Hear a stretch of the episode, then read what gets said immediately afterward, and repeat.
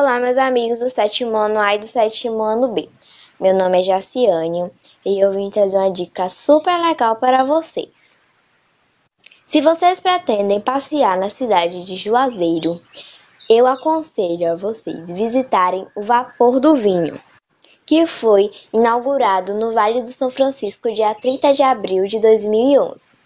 O roteiro enoturístico denominado Vapor do Vinho, que recebeu este nome em alusão aos antigos vapores que contribuíram para o desenvolvimento do Nordeste brasileiro e, em especial, ao Vale de São Francisco, inicia o seu roteiro enoturístico na cidade de Petrolina.